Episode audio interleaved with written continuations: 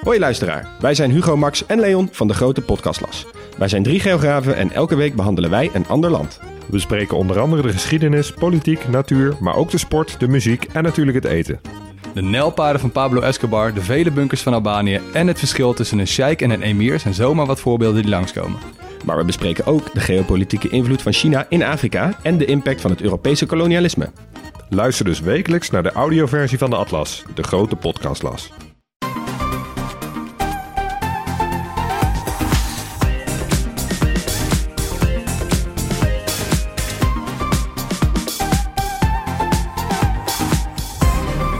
Welkom bij de Bright Podcast van woensdag 17 november. Mijn naam is Merijn en vanuit verschillende plekken in ons land zijn aangeschoven Tony. Hoi. Erwin. Hey. Floris. Yo. En onze gast Stijn Bronswaar, journalist bij NRC en co-auteur van het nieuwe boek De Machine in de Ban van Booking.com. Met Stijn gaan we het natuurlijk hebben over zijn boek en over de invloed die het Nederlandse, of van oorsprong Nederlandse Booking heeft gehad op de hele vakantiemarkt. En verder heeft een Nederlandse student de James Dyson Sustainability Award gewonnen. En Erwin sprak daarover met James Dyson himself. Ook nieuws over het repareren van iPhones en gevaarlijke challenges in TikTok. We gaan beginnen. Booking.com, big tech van Nederlandse bodem met in 2019 een omzet van dik 13 miljard euro. Uh, Booking is ouder dan Google en heeft meer dan 5000 medewerkers in Amsterdam. Een reus dus. Stijn, je hebt er een boek over geschreven samen met Marijn Rengers en Joris Kooijman, jouw NRC-journalist, collega's. Ja, wat maakt de Booking zo interessant om daar een boek over te schrijven? Want ik vind het redelijk slaapverwekkend bedrijf. Vond het een redelijk slaapverwekkend bedrijf totdat ik het boek las.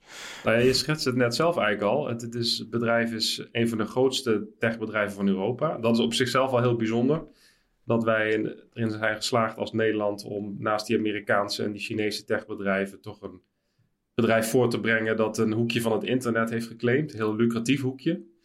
Booking maakte tot voor kort 5 eh, miljard dollar winst per jaar. Nou goed, dat geld wordt voor een deel in Nederland uitgegeven. Dus dat maakt het al heel boeiend. Ehm, het is een website die iedereen kent. En ondertussen een bedrijf waar we echt helemaal niks van weten. En dat, dat daar, daardoor kregen wij een soort gezonde nieuwsgierigheid naar wat is er nou eigenlijk gebeurd allemaal de afgelopen 25 jaar. En we zagen natuurlijk in die coronacrisis dat Booking, eh, die stak eigenlijk als eerste Nederlands een hand op van wij willen wel steun, ondanks 5 miljard winst. En heel Nederland, ja. heel Nederland uh, was boos. Uh, dat was bij ons ook. Wij hadden daar ook een gesprek op de redactie en een reflex van, god, het bedrijf raakt echt een snaar. Uh, heel veel mensen weten misschien nu pas voor het eerst dat het überhaupt Nederlands is moeten we daar niet eens gaan induiken met z'n drieën? En we hebben eigenlijk het afgelopen jaar besteed aan uh, interviews. We hebben meer dan 300 mensen gesproken. Heel veel documenten gezien, oude e-mails, uh, tassen vol met ordners, plastic tassen vol met ordners gekregen. Video's bekeken en die geschiedenis gereconstrueerd van, van dit hele bijzondere, gekke, vreemde, boeiende bedrijf. Ja ik, ja, ik heb het boek dus gelezen en we gaan in de podcast niet alles kunnen bespreken, maar er gaat van alles mis, ook op de werkvloer op een gegeven moment. De cultuur is, nou ja, de, de sfeer is op de snijde af en toe ja. in, het, in het bedrijf. Het draait echt om winst maken, zeker sinds ze in Amerikaanse handen zijn. Hè? Zeker, Ethische ja. normen en waarden worden een beetje opzij gezet. Nou, wij willen het nu eigenlijk vooral met jou ook hebben over bijvoorbeeld de technologie die Booking heeft gebruikt om zo groot te kunnen groeien. Maar daarvoor moeten we eerst even terug naar 1996. Hè? Toen startte het bedrijf. En dat wilde dus de hotelindustrie uh, ja, gaan revolutionariseren. hoe noem je dat? We wilden de hotelindustrie eigenlijk aan het internet gaan koppelen. Ja.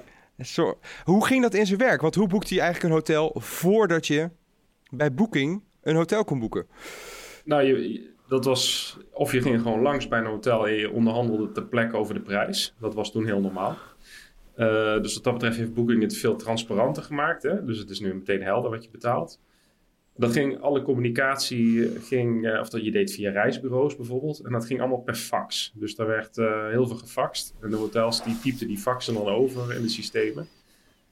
En eind 1996 is er een student in Enschede, Geert-Jan Bruidsma, die met zijn stage, en die heeft een stagebegeleider, die heeft hele wilde ideeën. Dat is een beetje een soort Doc Brown-achtige figuur van Back to the Future, zo'n beetje wat verwilde type die Ja, ja, ja, allerlei ideeën roept. En Geert-Jan Bruinsma is eigenlijk een heel ambitieuze student. Die wil eigenlijk vooral een bedrijf beginnen.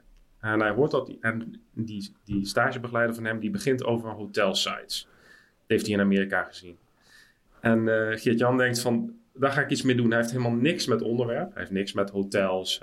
hij weet er echt helemaal niks van. Maar gaat naar Golden Tulip toe en gaat, met, gaat en vraagt daar eens van, goh, vertel eens, hoe werkt het eigenlijk bij jullie met die hotels? En hij wordt daar helemaal voorgelegd door iemand van Golden Tulip die hem dat alles vertelt.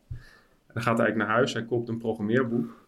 Programming Pearl heet dat boek. Dat leest hij eh, niet eens helemaal uit, maar... eh, en dan gaat die site aan elkaar draaien. En, hij, gaat, en hij gaat aan de slag. En ehm, al vrij snel hebben zij, liften zij mee op, op Google AdWords. Dat komt op een gegeven moment op. En uh, zij hebben dat heel erg goed door, dat spelletje. Dus dat je trefwoorden inkoopt bij Google, waardoor als je Hotel Amsterdam intypt, dat je automatisch bij Booking uitkomt. En alle andere hotelsites doen dat veel minder goed. En uh, waardoor dat verkeer allemaal automatisch naar Booking gaat en ze gaan vliegen vanaf een bepaald punt. Dus uh, hij zegt letterlijk, er zegt letterlijk iemand in ons boek die zegt van het internet lag er eind jaren 90 om geld mee te verdienen. Het lag eigenlijk klaar. Er lag een soort nieuw iets klaar waarmee we waarmee ging maar gewoon aan de slag en je had een goed idee en het geld kwam binnen. En uh, zij hebben toen, hij heeft het toen heel goed gezien om die hotels te kiezen. En zich te omringen met mensen die heel goed zijn in bouwen van sites en heel goed kunnen schalen. Maar het duurde heel lang voordat er überhaupt iemand bij Booking begon die iets van hotels wist. Dat heeft echt zes jaar geduurd. Uh, het, draai, het, ging niet zozeer om hotels. Het ging gewoon om uh, een techbedrijf bouwen en websites bouwen. Uh, en geld verdienen. Dat was heel belangrijk voor de oprichters ook. Ja, maar die hotels... Maar een, oh. webdesigner, die hebben ze ook niet ingehuurd de eerste paar jaar volgens mij. Absoluut wel? niet. Nee, nee dat, en dat was ook... er stonden allerlei vacatures online, maar design was absoluut geen, uh, niet interessant. Vond Bruinsma ook, de oprichter, ook zelf niet boeiend. Het gaat om functionaliteit, weet je wel. Dus, uh, en dat is eigenlijk nog steeds zo. Booking is eigenlijk een soort nutsvoorziening. Hè? Het is gewoon een, een hele extreem basic website die jou gewoon, die doet wat het moet doen. Jou naar een hotelwebkamer leiden. En iedereen die probeert daar iets moois van te maken. Dus er komen allerlei designers langs en die denken van, nou weet je, ik ga eens even lekker aan de slag. Ik ga er eens een mooie site van maken. En de cultuur bij Booking was heel lang... Oké, jij wil die knop groen maken die nu blauw is. Prima, we gaan dus even een testje draaien en kijken of dat dan ook werkt. Als er niet 5% meer mensen boeken, doen we het niet. Als de baas vindt dat het er anders uit moet zien, maakt niet uit. Als het niet leidt tot meer boekingen, doen we het niet. Dus die site ziet er heel basic uit, maar die site is echt op elke millimeter zo ontworpen dat het ervoor zorgt dat jij zo snel mogelijk klikt, boekt en weer weggaat. Dat is. Ja. Nou, dat kan je eens uitleggen, want dat, dat AB-testen, daar heb je het eigenlijk over, hè? Ja. Uh, kan, kan je even uitleggen wat dat, wat dat precies is en wat Booking... Ja, die liep daar echt in voorop ook. Ze hebben het echt uitgevonden, hoor. Ja, nou goed, ze hebben dat wel echt groot gemaakt. Uh, daaraan zijn ze echt pionier. Ja, wat zij vrij snel uh, door hadden, Arthur Kosten, dat is wel een vrij bekende naam ook in de techwereld. Uh, die is eigenlijk het, brein achter hoe die website eruit ziet. Die man las heel veel boeken over psychologie en marketing. hij was heel geïnteresseerd in dating sites bijvoorbeeld ook. Ook wel heel interessant. Maar daar keek hij heel van naar. En hoe haal je mensen over om wel of niet op een profiel te klikken? en hij ontdekte op een gegeven moment dat je met creëren van schaarste, dat je mensen heel erg leidt naar dat mensen meer gaan klikken. Dus ehm, wat zij heel erg doen is een gegeven moment daar nog drie kamers over, hè, die trucjes die ze gebruiken. Ja. Die zetten ze op een gegeven moment in en dat is een, een jongen die dat, die hebben we ook gesproken voor het boek, die vertelt daar, daarover, die dat in een boek leest. Uh, als zo'n test draait en ik kom een dag later terug op kantoor en iedereen zegt tegen hem van wat heb je gedaan, weet je, wat is, er is echt iets aan de hand. De boekingen vliegen de lucht in. Um, en zo ontdekken ze eigenlijk dat je ja, door je website uh, zo in te richten, door vooral schaarste te creëren, door mensen over te halen, door een soort sense of urgency, dus een soort mensen te voelen te geven, je moet nu boeken, anders, anders dan, uh, dan zijn die kamers weg. Um, daar, zijn, daar waren ze een van de eerste in. Om dat zo te doen. En dat doen ze natuurlijk dat, doen ze dat door testen. Hè? Dus door AB-testing te doen. En ja, als je gewoon een publiek hebt wat boeking heeft. Als je miljoenen, miljoenen bezoekers hebt. kun je vrij makkelijk eh, kun je gewoon testen draaien. En ze doen alles live. Maar ze hebben Ja, toch wel dus- vrij snel eh, een aantal dingen slim gedaan. Want dit is, weet je, dit bedrijf komt uit de tijd vlak voor de, de, de internetbubbel. Ja, Eh, er gebeurde van alles, weet je wel. Allemaal, allemaal cowboys. En nou, ze hebben toch dan vrij snel in die eerste paar jaar toch iets neergezet. Wat, wat nou ja, de boel heeft doorstaan. ja. Nee, dat hebben ze zeker. En ze hebben ook helemaal geen last gehad van de internetbubbel. Ze hebben überhaupt eigenlijk nooit last gehad van crisissen. Eh, de kredietcrisis, 9-11 zelfs, dat hebben ze allemaal overleefd. En de coronacrisis gaan ze nu ook wel overleven. Dat is eigenlijk wel hun grootste vijand geweest, zou je kunnen zeggen. Iets waar ze echt last van hebben gehad. Ja. Maar ze waren er heel erg vroeg bij, ja. Ehm, en ze hebben ook... Google was begonnen op een gegeven moment met AdWords. En Booking was toen al de grootste klant. En mensen van Google kwamen echt naar Booking toe om te vragen van... hoe werkt dat allemaal en doe je dat allemaal? Ze hebben echt college gegeven aan, eh, aan die grote Amerikaanse bedrijven... in hoe je dit soort dingen doet. Booking had ook speciale rekeningen. eh, want op een gegeven moment was het geld geld was een beetje op. En toen konden ze op krediet bij Google, konden ze met creditcards, konden ze nog wat extra eh, advertenties inkopen. En zijn Ja. op dit, dit moment de grootste klant van Google. Met betalen 4 miljard aan, eh, aan, aan Google elk jaar. Moet je je voorstellen. Om, en dat betaalt ze gewoon uit. Ja. En dan krijgen ze dik, eh, dik terug. Ja, dus Ja. voor elke euro die erin gaat, moest er 2 euro terugkomen. Dat was de regel bij Zo. Booking aan, eh, aan marketinggeld. En ze deden alleen marketing dus op deze manier. Eh, dus ze deden niet aan reclamefilmpjes. Aan, ze hadden zelfs geen logo op de gevel. Dat vonden ze ook onzin. Elke euro die er werd ingestopt moest zich dubbel terugverdienen. En Google was daar gewoon een fantastische machine voor hun. En ja, dus het, het gebeurde zelfs zo dat, dat als Expedia, de grote concurrent, reclame maakte. Voor we hebben aanbiedingen voor een hotel in eh, Rome. kwamen ze uit bij Booking. Want mensen gingen op Google intypen Hotel Rome. En dan, dan de eerste vijf links waren, eh, gingen naar Booking. Dus ze zagen als concurrenten reclame gingen maken, zag Booking de omzet stijgen. Ja, dat hadden ze gewoon al heel vroeg door. Wauw. En het is nog steeds zo, hè? als je nu eh, een hotel intikt en een willekeurige stad erachter zet, dan is de eerste advertentie bij Google is nog Ja. steeds Booking. Ik heb, het, ik heb het nog een beetje getest deze week. Zeker. Elke stad, hotel is gewoon Booking. En dat is ook wel denk Kan ik de reden dat, dat Google ook zelf nog niet zozeer aan deze markt is gesprongen. Omdat zij al via Booking al miljarden hieraan verdienen. Ehm, dus zij vinden het wel best. En ze, hoeven, ze gaan hun grootste klant niet snel, eh, niet snel aanvallen met een eigen product. Nee, dat is wel slim, ja. En je had het daar straks ook over, eh, eh, nou ja, dat de oprichter zonder programmeerkennis eigenlijk een, eh, een programmeerboek pakte. de taal Perl. Dat Ja. is wel een geestig gegeven nu, want die taal die wordt eigenlijk verder nergens in de wereld meer gebruikt. Maar heel Booking ja. drijft erop. Ja, ja en die, die Geert-Jan Bruinsma was wel handig hoor met programmeren, maar niet zozeer met Perl. Hij was, eerst heeft hij allerlei andere dingen geprobeerd. Dat werkte allemaal niet. Die sites ging- steeds kapot. En toen zei iemand tegen hem: Hier heb je een boek, Programming Perl. Dat is schijnbaar een heel legendarisch boek. Ga dat nou maar lezen en dit is volgens mij wel taal voor jou. Dus hij gaat daarmee in de slag, hij gaat dat leren. Hij leest dat boek niet eens uit. Bekent hij later in interviews. Ehm, en begint die site in Perl te bouwen. En hij is niet een briljante programmeur, horen wij later van mensen. Dus het duurt nog heel lang om dat allemaal op te ruimen van hem. eh, die code die hij heeft geschreven. Dat was met Elon Musk volgens mij ook zo, hè? Bij, bij PayPal. Die, kon ook, die had ook echt codes die echt pagina's waren, terwijl het ook in een halve pagina Ja, was, zeg maar, ja. bij wijze van spreken. Ja, oké, ja. Ja, Perl is een dynamische taal. Eh, dus dat betekent schijnbaar dat het heel erg lijkt op een, eh, op een echte taal. Hè? Dus dat je allerlei dingen op verschillende manieren kunt verwoorden. Eh, niet zo strak als Java bijvoorbeeld, dat heel erg duidelijk werkt met stramine en zo. Waardoor developers heel veel vrijheid hebben om te schrijven. Ehm, en da- daardoor kan je heel snel programmeren. En da- daardoor kan je ook heel snel eh, eh, bouwen. Dus dat is voor startups heel goed, want daardoor verslaan ze die concurrentie. Maar het leidt er dus toe dat developers elkaars code heel moeilijk kunnen lezen. Hmm. En dus dat je hulp nodig hebt van elkaar. Wat bedoel je nou precies mee en waarom schrijf je dat zo? En als zo'n, als zo'n developer eh, team heel gaat uitdijen, en je hebt op een gegeven moment duizenden mensen in dienst, dan raak je het overzicht kwijt. Dus dat was op een gegeven moment bij Booking wel aan de hand. En inderdaad, ze gaan over de hele wereld recruiten, gaan ze mensen die Pearl kennen, gaan ze naar Booking halen. En dat gaat echt over de hele wereld. Zijn ze op zoek naar, naar mensen die dat kunnen. Waardoor uiteindelijk andere bedrijven dat dus niet meer doen. Want alle developers gaan naar Booking. Dus eh, Pearl is, is op een gegeven moment Booking. En waardoor, ja, op een gegeven moment dan gaat het dus slecht op je cv staan. Als je Pearl kan schrijven, want je kan het nergens anders kan je het inzetten. Geen enkel ander bedrijf. Apart. Maar eh, Booking die beloont zijn mensen daar rijkelijk voor, begreep ik toch? Ja, er is geen techbedrijf in Nederland dat zo goed betaalt als Booking. Nee. Dus eh, je moet je voorstellen als je daar als je daar een designer bent en dan ben je toch gewoon iemand die, eh, ja, die gewoon eh, mooi bezig is met dingen, dingen mooi vorm te geven en zo.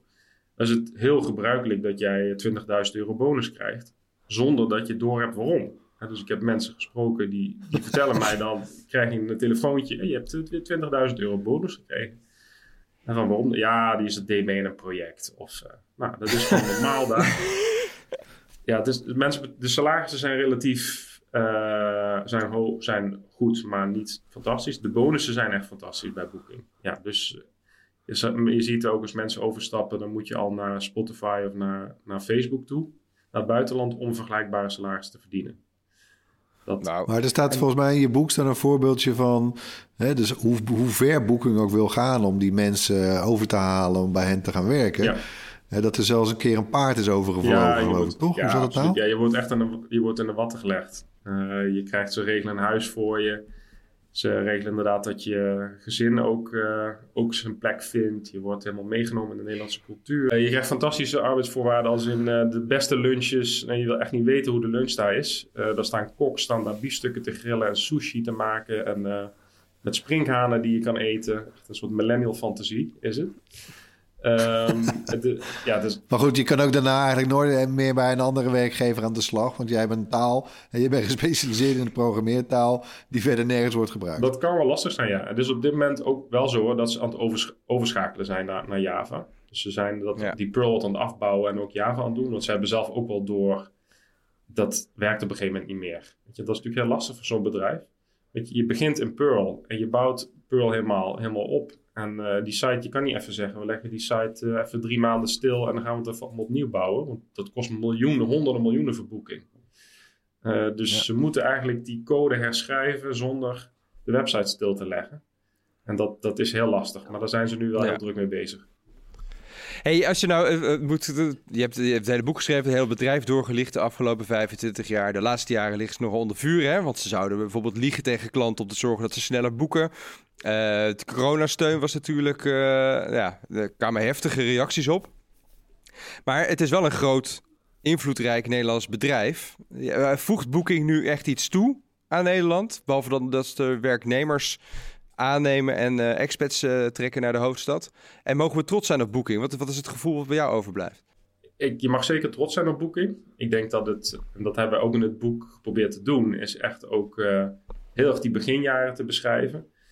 En dan zie je toch dat daar een paar, een paar jongens, eigenlijk student, nog studenten met ongelooflijk doorzettingsvermogen en keihard werken en, en, en heel slimme mensen bij elkaar iets heel bijzonders neerzetten. En dat is toch dat, dat wij dat in Nederland hebben gedaan. eh, is, dat is heel onbekend. Hè? Want we kennen nu eigenlijk alleen vooral de negatieve kant van Booking. Als je ziet over de coronasteun en dat soort dingen. En Booking heeft weinig sympathie. En we hebben toch geprobeerd ook in dat boek ook om die reputatie gewoon wat meer in balans te brengen. Want als je die hele beginjaren le- leert kennen, die nooit zijn beschreven tot nu, dan zie je ook, dit is, ook echt wel iets om trots op te zijn. Dus dat mag zeker. Als je vraagt, ehm voegen ze iets toe aan Nederland? Hangt er vanaf hoe je er naar kijkt. Eh, zelf zeggen ze, we creëren heel veel arbeidsplaatsen. Dat is waar. Booking is na de gemeente de grootste werkgever van, onze hoofdstad. Ze betalen ongelooflijk veel belasting. Ze krijgen ook heel veel belastingkorting. Maar ze betalen ook heel veel belasting. Miljoenen, miljoenen per jaar. Het is een, een van de grootste belastingbetalers van Nederland. Elke boeking in het buitenland, als een Italiaan een Italiaans hotel boekt, wordt er aan Nederland belasting betaald. Eh, dus elke boeking die Booking doet overal in de wereld, daar gaat een, wordt in Nederland belasting over betaald. Nou, dat is wel lekker. Tot is frustratie, ook nog wel eens anders hè, met die bedrijven die hier zitten. ja, tot frustratie van de fiscus in Italië en in Frankrijk. En die zijn allemaal heel boze Booking. Eh, maar hier in Nederland is de fiscus heel blij met Booking. Dus daar kan je zeggen, nou goed, dat levert de samenleving op. Ehm, het- ja, dus ja, dat, dat levert zeker wel wat op. En dat is tegelijkertijd zie je wel dat het heel erg een Amerikaans bedrijf is geworden. Dus ze zijn eh, sinds 2005 in Amerikaanse handen. Dus heeft, zit nu een Amerikaanse topman. Die daar echt schoon schip heeft gemaakt. En alle Nederlanders zijn eigenlijk weg. Dus alle Nederlanders van het eerste uur zijn allemaal vertrokken. Eigenlijk ook onlangs nog. En eigenlijk is het, als je het naar beneden redeneert, een multinational die toevallig zijn hoofdkantoor in Nederland heeft staan. Ehm, waarbij de topman in New York vanuit zijn slaapkamer letterlijk eh, via video leiding geeft aan het uh, korps hier, eh, developers hier in, eh, in Amsterdam. Maar echt heel Nederlands is het niet meer. Nee. Hey, is- Maar wel interessant. Ik bedoel, kijk, we hebben een boeking. Ik bedoel, we hebben er. Het heeft geen beste reputatie inderdaad eh, inmiddels. Dus nou, wel interessant om te horen eigenlijk dit. En dat het hè, een grote bijdrage levert stiekem eigenlijk aan de Nederlandse samenleving. Nou ja, zeker, zeker ook die belastingen, dat is heel onbekend. Want ieder- ja, er is toch gezegd, ja, dat zijn graaiers en zo. Maar zelf benadrukken ze dat heel erg. We betalen ook heel veel belastingen, dat is ook echt waar. Er moet wel bij aangetekend worden. Ze hebben een hele goede deal gesloten met de Nederlandse Belastingdienst. Eh, die Ja. ook heel bang is dat ze misschien naar Ierland gaan of zo. Hè? Eh, dus, en ze krijgen via die WBSO, dat is een innovatiesubsidie, waarbij eigenlijk jonge techbedrijven krijgen een soort steun eigenlijk van de overheid, een belastingkorting ja. om te innoveren. En Booking die is een van de grootafnemers van die eh, subsidie. Terwijl je kunt je afvragen of Booking dat nog nodig heeft. Hè? Met eh 5 Ja. miljard winst per jaar. Maar zij krijgen daar enorme kortingen. Ehm, elk, voor elke regelcode die wordt geschreven hier in Amsterdam... eh, krijgt Booking een belastingkorting. Kijk. Daar is wat... Daar is wat Het mes snijdt aan twee kanten. kanten. mes leidt aan twee kanten, ja. ja. Dus daar kun je je Ja. vraagtekens bij zetten. Oké. Hey, dankjewel Stijn. Wij gaan door met de rest van de podcast. En eh, de machine dus in de ban van Booking.com. En dan hebben we een update over onze huidige sponsor. Sluit wel een beetje aan op het vorige onderwerp trouwens. Bit Academy, de beste techopleiding in Nederland. Erwin, wat is ook alweer de boodschap van Bit Academy? Ja, ja, nee, Bit Academy is een, eh, gratis opleiding programmeren gestart. Eh, is volledig online. Kun je in je eigen tempo doen en je wordt ook begeleid door experts uit het veld. En dan heb je binnen 10 weken heb je de skills van nou, een junior data engineer of een full stack webdeveloper. Ja, dus heb je interesse in IT, meld je dan aan op bit-academy.nl en klik op Nederland leert door. En het goede nieuws is, eh, we hadden al best wel wat aanmeldingen via deze podcast. Ja, dat klopt. Dat is wel leuk. We, hadden, eh, al, ruim- we hebben van ze gehoord en ze hadden al ruim 40 aanmeldingen binnen. En, en we kregen trouwens ook enthousiaste mails van luisteraars, zoals Esra van Ark. Die had zich aangemeld en was aangenomen. Dus eh, ja, zet hem op, Esra. En de enige voorwaarde is wel eh, dat je werkzaam bent hè, voor de, eh, in loondienst of als ZZP'er. Om mee te mogen doen met Bit Academy. Waarom is dat eigenlijk? Ja, nou kijk, die opleiding wordt gesubsidieerd door de overheid. En daarom kan Bit Academy hem ook gratis aanbieden. En die subsidie is er niet zozeer om werkloosheid tegen te gaan. Hè, want dat zou je misschien ook denken van waarom... eh, hè, als ik werkloos ben, waarom kan ik die opleiding dan niet doen? Maar ja, de werkloosheid is eigenlijk niet zozeer het probleem op dit moment hè, in Nederland. Eh, het, gaat veel meer om mensen omscholen. Er is echt een schreeuwende behoefte aan, aan IT-mensen. En eh, nou ja, er zijn nu, nu nog zo'n 150 plekken over op de opleiding. Dus nou, Oké, dus allemaal naar bit-academy.nl. Dus, hè, Nederland leert door. Hou ons op de hoogte ook als je je aanmeldt. Want een Bright-klasje lijkt ons geweldig op te volgen. En dan gaan we door met het hoorspel waarin je elke week een techgeluid hoort. En dit was het geluid van de afgelopen drie weken. En ja, ja, na twee hits heeft eindelijk iemand het geluid gehoord en geraden. Hè. Nou, Floris, jij mag bekendmaken welk geluid het was. Ja, het was de trompettoon uit de trailer van Cowboy Bebop. De nieuwe live-action remake van de klassieke anime-serie... die vanaf vrijdag op Netflix is te zien. Ik krijg trouwens best wel matige reviews, maar we toch maar even checken. Eh, het geluid werd herkend door Hein Montijn. Geweldige naam. Gefeliciteerd Hein, dat Bright T-shirt komt jouw kant op. Ja, en natuurlijk hebben we ook weer een nieuw geluid. Komt-ie? Nou, ben benieuwd of deze binnen één week wordt geraden. Als je denkt te weten wat het is, stuur dan je antwoord naar podcast.bright.nl. En onder de mensen die het juiste antwoord insturen, verloten we dan zo'n gewild Bright t-shirt. De Nederlandse TU Delft-student Jerry De Vos heeft dit jaar de internationale James Dyson Sustainability Award gewonnen. Ja, ja, met zijn plastic scanner. Het draagbare apparaat maakt het recyclen van plastic makkelijker, omdat het de samenstelling van het plastic duidelijk maakt. De vinding werd door de Dyson-ingenieurs gekozen als de beste van meer dan 2000 inzendingen uit 28 verschillende landen. Dat is best knap. En ik weet waar die woont, hè, die Jerry. In Winsum volgens mij. Toch is de buurjongen van, uh, van Rutger. Ja, nou, ik weet niet of, of, of, we dat per se wereldkundig moeten maken. Maar, niet? Ja, nee, Rutger herkende hem, uh, onze automan. Ja, nee, best tof ook. Hè. Het is ook voor het eerst dat een Nederlander uh, een James Dyson Award wint. Hè. De, de algemene award die bestaat al sinds 2007. En Sinds vorig jaar is het dus ook een speciale prijs, hè, die Sustainability Award voor, voor duurzaamheidsvindingen.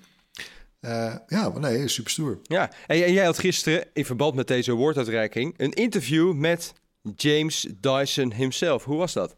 Nou ja, dat, ja best bijzonder natuurlijk. Hè? En het uh, Sir James Dyson, hè, dankjewel. Ja. Hè, die is, ja, kun je best wel zeggen, denk ik, toch wel een van de werelds meest succesvolle uitvinders. En een van de rijkste mensen in het Verenigd Koninkrijk. En we, ja, we kennen allemaal die zakloze uh, stofzuiger van Dyson natuurlijk. Maar ze maken tegenwoordig ook hè, knappe verlichting en luchtreinigers en haarverzorgingsproducten zoals feuns. En ja, allemaal premium producten, uh, lees duur. Hè, maar ook met ja, dito uh, design. Hè, dat ziet er ook allemaal wel fantastisch gaaf uit. En Futuristisch, ja precies. Ja. ja. En ja, ik vond vooral tof om te merken hoe optimistisch deze man is. Gewoon als mens. En uh, echt iemand die gewoon gelooft in, in technologie en de kracht daarvan en wat we daarmee kunnen bewerkstelligen in de wereld. En ik vond vooral opvallend, ik heb een half uur met hem gesproken zo, uh, hoe hij het opneemt voor plastic. Hè, dat is toch het meest veelzijdige, maar eh, ja, inmiddels ook het meest gehate materiaal op aarde. Laten we even naar hem luisteren. Oh yes, no, very much so. No, well, the, the thing is that people are demonizing plastic. Unfairly. I mean, plastic is actually a really good material. Uh, it lasts a long time, and people want products, by the way, to last, not be throwaway items. Um, it's a, it's a waste product of oil. So if we if we no longer used oil for transport and heating and so on, we could still use it to make plastic. And of course, there are bio forms of plastic from from sugarcane and and um, and so on. So, but plastic is a really good material. Um, it, it's demonized because it washes up on the beach and is found in oceans and so on. Uh, I mean, I remember a time when in, in the 50s, 1950s, when you, I went on a beach as a child, I'd always tread on glass, you know, broken yeah, glass, dangerous. Beer um, bottles, yeah. But, but, but you don't get that now, because, but you do get a litter of plastic bottles. So, so the, the, what is wrong is people throwing plastic away, throwing plastic packaging away, and throwing plastic bottles away. That's it's people's behavior, not the material itself, that's the problem. And actually, it's a very, very dense form of energy. And there are um, furnaces that generate electricity by burning rubbish, including plastic. And plastic um, is a very, very good material to burn to create energy. In fact, it's a close run thing, actually, as to whether it's better to harness the energy from the plastic by burning it and creating electricity or recycling it. And there's a huge amount of recycling going on, and there are very sophisticated recycling plants. But um, I think what what um, you know the award winner here, Jerry's device, is is absolutely brilliant because it enables the less sophisticated sorting operations to go on so easily with this small handheld device. You can tell what, what the plastic is by spectroposcopy. I mean, it's it's really really clever, very good, and as you know, you've probably seen him in Algeria sorting out the mountains of plastic in Algeria. There are places where these sophisticated machines aren't available. Um, and so I hope that A, it will enable a huge amount of recycling. There's now no excuse for anyone not to recycle plastic. And I hope that it'll, it'll de demonize plastic. Ja, plastic aan zich, eh, zegt hij dus eigenlijk, is niet het probleem. Maar vooral de manier waarop we ermee omgaan. Hè? Dat we het heel makkelijk weggooien. Ja, ja, vooral. Voilà. Dus uh, uh, hij zei ook dus dat ja, we moeten plastic vooral niet gebruiken voor verpakkingen. Dat is natuurlijk recent ook best wel een beetje een onderwerp. Uh, we zien het ook bij, bij smartphone-makers. ja, en liefst natuurlijk geen wegwerpproducten. Dat, is, dus, dat is natuurlijk funest. En, en over die verpakkingen trouwens, ik vind wel opvallend, ook bij Dyson. Ik weet niet of je wel, eh, of je recent nog een keer een Dyson product hebt eh, uitgepakt. Maar zeker als je zo'n grote ding hebt, bijvoorbeeld zo'n luchtreiniger. Wij, ja, wij testen die regelmatig, dus ik, zie, ik heb best wel veel van die dozen in mijn handen. En dat, ja, ik vind het toch wel gaaf hoe ze dat doen hoor. Dat zijn van die hele ingenieuze kartonconstructies zijn dat, hè? Ja, maar je kan ze ook nooit meer er terug in stoppen, die dingen. Nee. Nee, Het kan- nee, het is wel een soort eh, Japanse puzzel. Ja. Als je hem eenmaal uit elkaar hebt, dan krijg je hem nooit meer in elkaar. Ja. Maar hij is dus vooral fan van engineering plastic. But it is a great production material. It's made products much cheaper. It's made products more possible. It's made products lighter. Products don't rust that used to rust in the old days and rot in the old days. Your wooden clogs, you know, that that's. I mean, I don't know whether clogs are sustainable, but uh, you know, pla- plastic trainers is what everybody uses now, uh, and um, or, or, or shoes largely made of plastic rather than leather. People don't want to make things out of leather nowadays or wood. Um, and I don't, you know, the processing of metal and uh, aluminium, and um, which everybody seems to favour over plastic, it's you know it's very expensive material to to form in the first place. It, aluminium is, um, although it is slightly easier to recycle. En Dyson zit zelf ook niet stil. Hè? Het werkt aan een nieuw soort batterij, de opvolger van de lithium-ion batterij. We're developing batteries that, that don't use that and don't use cobalt because cobalt also has a very very dubious origin. That, so what ones that use use benign, benign materials, less damaging materials, and and this is important. I mean, this will transform electric cars and a lot of electrical devices, uh, and that's just the first stage of the development, and then we'll go on and on, getting better and better, more and more energy dense batteries. Uh, and that- that's really a good thing. I mean, electric cars, electricity is the future of transport.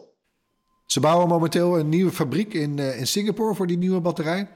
Maar goed, eh, ja, hij begon er zelf over. Dus ja, ik moest hem natuurlijk vragen naar Dyson's eigen elektrische auto. Waar hij twee jaar geleden, precies eh, nu twee jaar geleden, de stekker uit trok. Want ja, heeft hij er dan spijt van? Of had hij, eh, heeft hij nog steeds dezelfde conclusie als destijds? Namelijk dat het commercieel heel lastig is om er iets van te maken. I hugely regret it, and we'll always regret it because we, we love the car and we love the project. But um, as you know, no one's making money off making electric cars at the moment. Uh, um, in the future, I'm sure they will, but at the moment, they're just losing money. Uh, they're much more expensive to make. And as a new entrant, um, and we're a private company, we're not, we're not a public company, so we can't go to people to get, as it were, capital poured into us. Um, we couldn't really do a car and a battery. because Battery investment is huge as well. Uh, so we, we had to benefit your other products as well. well, exactly, but benefit other other projects, and other people are doing electric cars as well, and I'm sure they'll be very good. Whereas, uh, you know, the battery the battery is a is a harder thing to do, and it will benefit our other products. Whereas the car is a sort of dead end to being a car, a lovely product, but it doesn't really lead to anything. En oh ja, hij was trouwens ook heel erg uitgesproken over waterstof. And I, I, but, I, but I remain hugely enthusiastic about electric cars. And hydrogen is not the answer because it still lets out NOx, which is particular, which it, which is you know harmful to us, and and um, uh, greenhouse gases and all those sort of things. And it's extraordinarily inefficient. Yeah. Uh, you know, it's only twenty percent of an efficient use of electricity, whereas batteries, uh, like battery cars, are ninety-five percent efficient use of electricity. Yeah, yeah. What's your current favorite electric car? Well, I've got I've got an i3 which I've had for about three years, uh, which which I'm very keen on. Yeah, because they, you know the car manufacturers are the the output is increasing. eh? There's, Yes. there's more and more models coming. Yeah, that's really helpful. No, I'm glad I'm glad that they're all going electric. It is the future, and we'll all be so grateful when it's done and we can afford them. They're still they're still very yeah. That's that. Well, that's what the battery is all about. If we can get the the cost of the battery, the cost of electronics, and the cooling of the batteries down, then I think we can get electric cars seriously competing with petrol cars. En dan nog wat kort nieuws, Tony. Ja, zeker. Eh, Er is nieuws over Apple. Ja, en En het is goed Hey, nieuws, want. Apple gaat het veel gemakkelijker maken voor consumenten om hun iPhones en eh, Macs te repareren. Vanaf volgend jaar gaat Apple klanten toegang geven tot dezelfde onderdelen, gereedschappen en handleidingen die ook beschikbaar zijn voor de zogeheten Apple Authorized Service Providers. Goedgekeurde bedrijven die eh, reparaties uitvoeren. Nou, dat is een enorme ommezwaai, want Apple krijgt juist steeds kritiek dat het moeilijker, alsmaar moeilijker wordt om bijvoorbeeld je iPhone te laten repareren door zomaar een, eh, een winkel om de hoek. Laat staan dat je het zelf kan doen. Nou, dat gaat dus eigenlijk nu helemaal veranderen. Als je straks eh, zelf eh, de echte officiële iPhone-schermpjes of batterijen zou kopen bij Apple, dan kan je dezelfde reparatie doen met de juiste handleidingen en gereedschappen.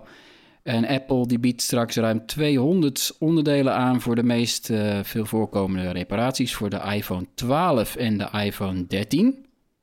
Dat is natuurlijk wel even belangrijk, want de meeste mensen die reparaties willen doen hebben misschien een oudere iPhone. Maar goed, geldt, geldt Ja. voor de iPhone 12 en de iPhone 13. En daarna volgen dan ook de onderdelen voor Macs met de, echt, ja, de eigen Apple M1-chip. Dus ook niet voor de oudere MacBooks. Maar goed, het is een beginnetje. Een belangrijke Zeker. aankondiging dat Apple vaak- toch aansluit bij de groeiende beweging in de techwereld. Die heet Right to Repair. Dat wij als consumenten toch echt Precies. ja, het recht willen hebben om zelf Ja. reparaties eh, uit te voeren. Nou, begin 2022 is eerst Amerika aan de beurt en daarna volgen andere landen. Ik ben dan wel benieuwd hoe makkelijk het dan is om het te doen. Ik bedoel, zo'n Fairphone bijvoorbeeld die uit elkaar kan halen, dat is erop gebouwd om uit elkaar te kunnen halen. Ja. Zo is een iPhone natuurlijk niet gebouwd. Dus je zal nog steeds. Het wordt niet makkelijker, denk ik, om te laten repareren. Het wordt alleen makkelijker om inderdaad een- iemand te vinden die het voor je kan doen. ja, Nee, nou, ik ga wel, eh, we gaan wel, ik ga proberen natuurlijk zo'n kitje eh, te pakken te krijgen. eh, Voordat het ook naar Nederland komt al natuurlijk, liefst. Maar, en ook wel grappig, want je noemt Fairphone. Ja, Eh, ik zat gisteren in die briefing van Apple. En dan zit je daar met, eh, nou in dit geval waren het drie, vier man van Apple. eh, die dan het verhaal doen. En je zit daar natuurlijk met talloze andere journalisten. eh, allemaal Europese journalisten in zo'n call. En, en ik, ik, ik pakte op een gegeven moment, schoof ik zo mijn Fairphone doos in beeld. doet Erwin nu ook. En vroeg ik om, Ja. en dat vroeg ik om een, om een minuutje stilte. Eh, want ja, ik denk, ik denk dat eh, als, dit, als dit gaat zijn zoals het lijkt te worden, dan is dat toch wel een hele grote stap en, en heel goed nieuws. Maar ik kan me voorstellen dat zo'n zo'n club als Fairphone het dan toch wel moeilijker krijgt. Aan de andere kant, ja, dat zeggen ze geloof ik zelf ook, hè, Marijn. eh, dat, ze, ze zouden het fijn vinden als zij niet meer nodig zijn, geloof ik. Toch? Ja, hun een missie, hun missie is volgens mij om te zorgen dat de hele mobiele telefoonindustrie duurzamer wordt. En dus ook eh, dat de reparaties inderdaad overal plaats kunnen vinden. En wat dat betreft, Apple heeft natuurlijk altijd een voorbeeldfunctie gehad in deze industrie. Dus wie weet volgt Samsung straks ook. Eh, Ja. Dus nou ja, goed. Het, mooie eerste stap. Ik ben heel benieuwd. wachten op de, de prijzen hè, van die officiële schermpjes Ja, en die precies. officiële batterijen. Ja, ja. Dat is vaak toch eh, al moet ik zeggen. de drempel, denk ik. Want ik ging kijken wat, eh, wat, wat batterijen, vooral bij Apple, was altijd best wel eh, aantrekkelijk al. Ik snapte nooit waarom niet meer mensen dat doen. Want het is voor oudere iPhones 55 euro. Nieuwere iPhones 75 euro. Vind ik best een aardig prijsje al. Als je het dus bij Apple zelf laat doen. Ik ben echt wel benieuwd wat straks dat onderdeel kost. Want bij Apple zitten er nog manuren bij. Ik, ja. Ja. En ja. Ja. En we hebben ook wel, eh, om, om het dan een beetje positief af te sluiten, bij eh, iFixit, weet je wel, die site die ook heel erg voor het right to repair is, die overal ook gidsjes van maakt, Eh, die is de afgelopen tijd weer iets positiever over de producten van Apple. Ze lijmen niet meer alles aan elkaar, niet meer alles, ja, is één klomp lijm en plastic. Dus eh, dat wordt ook wel wat, wat gemakkelijker om als consument zelf te, te fixen, ja. Ah, eindelijk. Alles wordt weer Ja. beter. Tony, ja, nou, meer nou, nieuws? even kort nog over uit elkaar halen van, eh, van gadgets. Kijk nog even de video op ons Oh. YouTube-kanaal van Bram. Want die heeft namelijk oordopjes uit elkaar gehaald. En dan zie je wat daarin zit. Ook aardig wat lijm. Oh ja, leuk. Ja, ja, ja. precies. Ja. Ja, en, en die, die, die repareer je niet zo snel eh, zelf meer hoor, als je ze eenmaal open hebt gemaakt. Maar ga die video kijken. Er is ook nieuws eh, over eh, TikTok. Want die heeft vandaag gezegd dat ze sneller gaan waarschuwen voor gevaarlijke challenges en hoaxes. Eh, TikTok zegt onder andere dat de automatische detectie van zulke gevaarlijke challenges is verbeterd. Zodat het team eerder, ja, dat er al- alarm wordt geslagen als er ineens een plotselinge toename is van allerlei content die de regels overtreedt. En ze kunnen nu dus ook beter herkennen als dat gebeurt als er potentieel gevaarlijk gedrag is. Het voorbeeld wat ze zelf noemde is dat er allerlei hashtags zijn die eigenlijk normaal gesproken heel onschuldig zijn. Food challenge is een voorbeeld. Dat gaat meestal over dat je je best doet in de keuken en een nieuw recept hebt geprobeerd. Wat misschien gaat mislukken. Ja. Dat gaat niet over een gevaarlijke challenge waar je allerlei dingen met voedsel moet doen. Waardoor het systeem het misschien niet meteen doorheeft wat er aan de hand is. Nou ja, dat schijnen ze dus, dat beloven ze beter eh, op te gaan letten. Eh, want het is een groot probleem natuurlijk. Want eh, eerder dit jaar zijn er eh, twee kinderen zelfs overleden na het doen van challenges op, ja, die, waarvoor ze werden uitgedaagd via TikTok. Eh is natuurlijk verschrikkelijk. Dus TikTok ligt echt onder vuur om er meer aan te gaan doen. Ze hebben ook ehm, de aanpak van hoaxes is ook, wordt ook verbeterd. En opvallend daarbij is dat ze de waarschuwingen die andere mensen verspreiden over hoaxes ook gaan verwijderen. Want uit hun eigen onderzoek blijkt dat mensen ook negatieve impact eh, ervaren als ze gewaarschuwd worden voor dingen die je eigenlijk niet wil zien. Dus mensen met de beste bedoeling op TikTok waarschuwen logisch, andere ja. kinderen om niet mee te doen ergens of een bericht te negeren. Maar ja, dat verspreidt zich ook weer heel snel. Ja, daar word je nieuwsgierig van. Dat eh, begrijp ik wel. Ja, dan ga- als, je, als je je al niet lekker voelt en je krijgt daar weer iets eh, over te lezen, dat je denkt, ja, moet je eigenlijk niet doen. Dus heel goed dat ze die ook weg gaan halen. Is TikTok nou is, beter? net als een, eh, dat is net als wanneer je een reactie verwijdert, toch? Dan, dan haal je ook de reacties weg die daaronder vallen. Ja, nou goed, ja. ja. ze hadden trouwens ook nog wel een onderzoek gedaan. Want ze zijn er echt diep in ge... Het was een enorme briefing van een uur... met allerlei wetenschappers en dergelijke over die challenges gesproken. Hoe was het ja, Engels? nee, dat was eigenlijk uitstekend. Ehm, en ehm, ja, het waren, waren Britse medewerkers trouwens. En ja, ze wilden toch ook benadrukken dat er ook heel veel challenges zijn die heel eh, leuk zijn en luchtig en, en fijn. Natuurlijk kennen we de Ice Bucket Challenge nog. Ik weet niet of jullie daar ooit aan Ja. mee hebben gedaan. Dat was heel, eh, ja, dat heeft veel bewustzijn gecreëerd voor de ziekte ALS. Dus het, dit klopt. Er zijn ook, ze gaan niet alle challenges zomaar weghalen. Ze gaan het nog wel beoordelen. Hey, ter afsluiting hebben we natuurlijk zoals elke week eh, wat tips voor je. Alle links naar de tips vind je in de show notes. En die vind je onder meer op bright.nl. Erwin, kom er maar in. Ja, mijn eerste, of mijn, ja, eh, mijn tip deze week is... De enige tip die je mag New- doen, hè? Ja, oké, ja, ga door. Ja, nee, precies, daarom. Ja, nee, eh, dat is Dexter New Blood. Hij is terug van weg geweest, de seriemoordenaar die eh, onder, het, eh, onder de schaduw van zijn eh, beroep als eh, bloedanalist bij de politie... eh, ja, ongemerkt eh, de een na de ander aan zijn messen reigde. Ehm, met veel slachtoffers in zijn directe omgeving trouwens tot gevolg. eh, waardoor die, nou, zo, zo sloot die serie destijds af. eh, eh, dat die ja, verdween. En, en, en hij, maar goed, en, en deze ja, soort vervolgserie. die pikt de draad weer op. En hij woont dan ergens nu in Alaska, in een of ander dorp. En hij werkt bij, bij een wapenwinkel, dat is dan wel weer grappig. En nou ja, de vraag is: kan die, hè, kan die, eh, kan die zijn eigen demon onderdrukken of niet? Lukt dat of niet? En mijn vraag is, Nou, is het net zo leuk als dat het was toen hij nog in Miami woonde? Ja, heel goede vraag. En het was in het begin even onwennig, want je zit natuurlijk te kijken en naar naar die gasten van, oh, nou, valt best wel mee. eh, Die, zoveel ouder eh, ziet hij er niet uit. En, eh, maar toen op een gegeven moment dan begint zeg maar toch weer de, de, de, de narratieve mix, hè, waar, wat die serie zo lekker maakte met die voice-overs en dit en dat. En dat begint weer te werken en ja, ik zit er weer helemaal in. Dit is het Ja, negende vergeten seizoen, dat hij hè? online was, dus ik ga niet, kijken. Erwin? Ja, ik heb er nog nooit naar gekeken. Ik heb er wel heel veel, vaak nagekeken van... hé, hey, moet ik hier eh, in gaan investeren eh, qua tijd? Want ja, het zijn nogal wat seizoenen. Dat schrikt me een beetje af om nu... Ja, ik kan niet zomaar hierin gaan duiken in seizoen 9, of wel? Nou ja, hier, hier hebben we dus eigenlijk een soort nieuwe opening. Ja, dat is een kans. Hey Floris, je hebt ook een tip natuurlijk. Nou, waar kunnen wij Dexter zien trouwens? Dat vraag ik me wel af. Ja, dat kan ik wat moeilijk, denk ik. eh, eh, niet bij de. Het is van Showtime.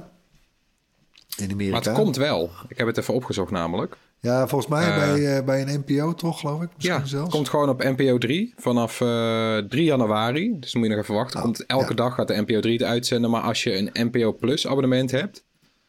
eh, of NL ziet, want daar zit NPO Plus dan weer in, dan kan je vanaf 20 december al online kijken. En als je Erwin heet, Oh. nu al. Nou, het is ongelooflijk. Ja. Precies, ongelooflijk.